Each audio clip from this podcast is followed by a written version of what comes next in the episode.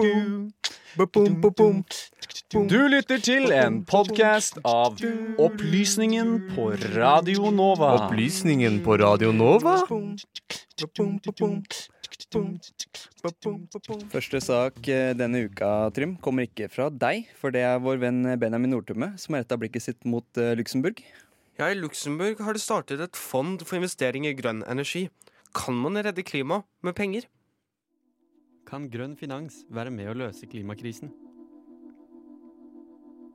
Store klimatiltak koster ofte mye penger. Selv om miljøinvesteringer er svært populært blant velgere, og den politiske viljen ofte er på plass, sliter mange land med å rett og slett få tak i ressursene for å gjennomføre dem. Ambisjonene er gode, men fullføringen er alltid vanskeligere. I Luxembourg, som langt på vei er et velstående land, har de lenge slitt med denne utfordringen. Denne uken ble det klart at Luxembourg kommer til å satse på såkalte grønne obligasjoner. Og hva i alle dager er det, spør du sikkert. Det er egentlig ganske enkelt. Luxembourg har sagt kjære investorer, vi vil gjerne investere i miljøtiltak, men vi mangler midler. Kan dere låne oss pengene, så betaler vi tilbake om to år. Å samle inn midler, det har de klart. Privatpersoner, store selskaper og investorer har lånt 1,5 milliarder euro til dette lille landet.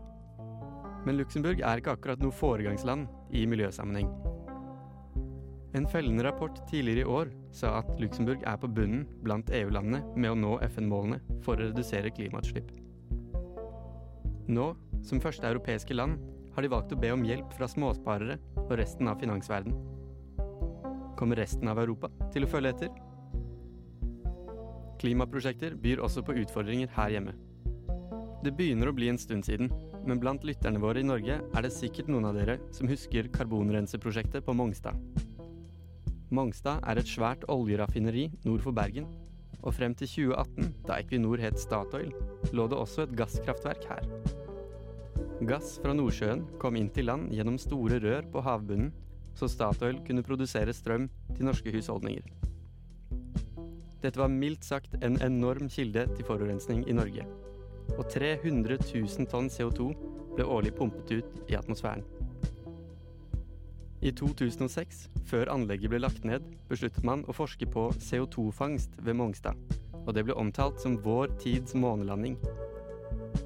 Tolv år og 14 milliarder kroner senere ble prosjektet skrinlagt. I media kunne vi lese om månelandingen som hadde blitt til en krasjlanding. Hva var det egentlig som skjedde? Skal vi tro klimaorganisasjonen Zero, var det menneskelig feil som var mesteparten av skylden. Prosjektet ble organisert dårlig, og politikerne manglet pisk og gulrot. Stoltenberg-regjeringen mente at ambisjonene hadde vært for høye, mens forskerne pekte på vellykkede CO2-renseanlegg i andre land. Riksrevisjonen og alle involvert var fullstendig uenige om hvem som skulle stilles til ansvar. Men alle var enige om at dette hadde blitt fryktelig dyrt.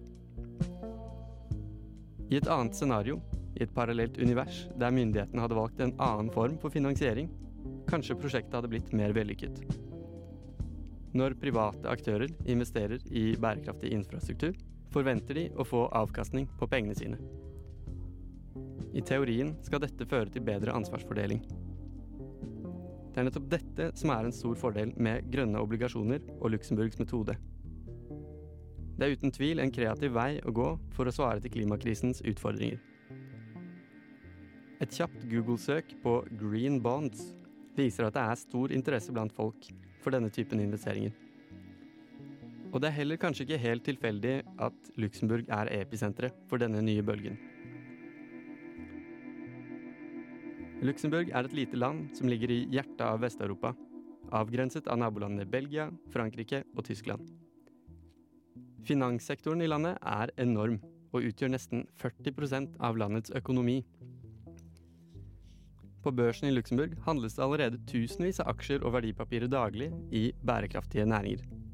Bankene her låner penger til bl.a. tyske, franske og en hel del multinasjonale selskaper som trenger penger til produksjon av solcellepaneler, vannkraftverk og det hele. Såkalt grønn finans har blitt en enorm industri, og opptil 50% av alle verdens grønne obligasjoner kan kjøpes på børsen i nettopp Luxembourg. Grønn finans, altså. Det kan høres litt diffust ut, men sannsynligvis har du, eller noen du kjenner, vært borti dette fenomenet. Hvis du sparer i fond, har du kanskje sett at bl.a. DNB og Nornett har en hel rekke produkter for nordmenn som vil spare med bærekraft i tankene. Det er lite som tyder på at dette markedet forsvinner sånn helt uten videre.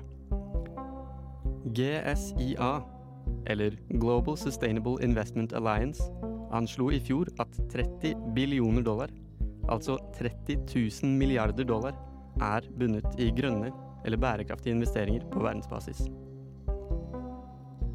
Nå fører Luxembourg seg inn i rekken av aktører som utforsker nye muligheter for klimasatsing. Tyskland har gått ut og sier at de også vil utforske grønne obligasjoner.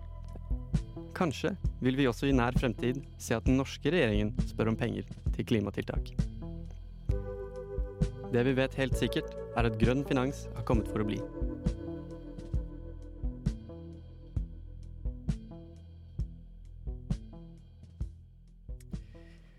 Ja, og reporter i denne saken, og for øvrig komponist i denne saken, for han har lagd musikken selv også, er eh, den tidligere nevnte Benjamin eh, Nordtømme.